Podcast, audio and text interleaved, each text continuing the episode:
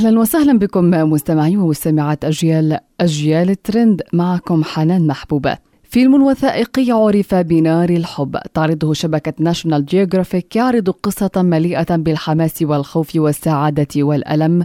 عن عالمي الجيولوجيا والبراكين الفرنسيين اللذين اختارا أن يكرسا حياتهما لشيء غير متوقع على الإطلاق وهو مطاردة البراكين النشطة في جميع أنحاء العالم. وسجلوا ما رأوا لحظة بلحظة حتى لقيا حتفهما.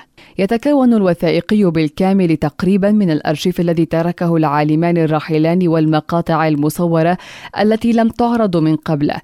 بالإضافة إلى كتاباتهم والرسوم التوضيحية المجمعة التي رسماها لنقل مغامراتهما واكتشافاتهما العلمية وروابطهما العاطفية العميقة. وكيف كانت مواجهتهما مع الموت جزءا أساسيا من رحلتهما؟ ورغم ذلك لم يتوقفا عن السعي وراء شغفهما للمعرفة عن هذا العالم. واستخلص فريق عمل الوثائقي المواد من المقاطع التي صورها الزوجان على مدار عشرين عاما من الرحلات الاستكشافية إلى البراكين النشطة في جميع العالم. من جمهورية الكونغو الديمقراطية إلى كولومبيا والولايات المتحدة وحفظت التسجيلات في منظمة ثقافية في فرنسا.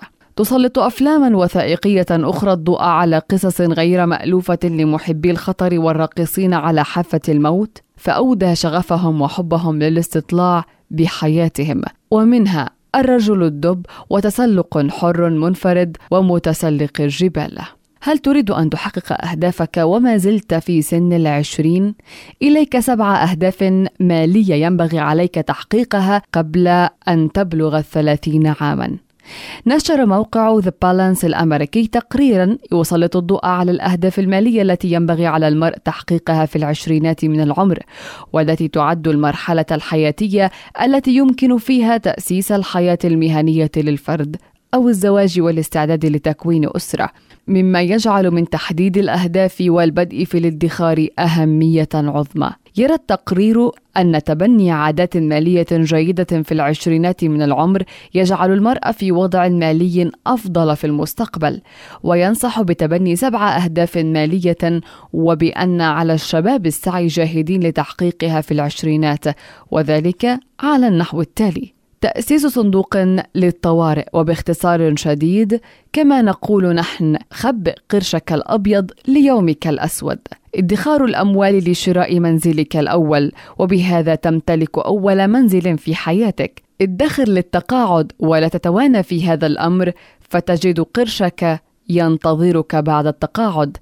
سدد ديونك ابدأ الاستثمار في أمر تحبه وفي مجال تستطيع أن تبدع فيه.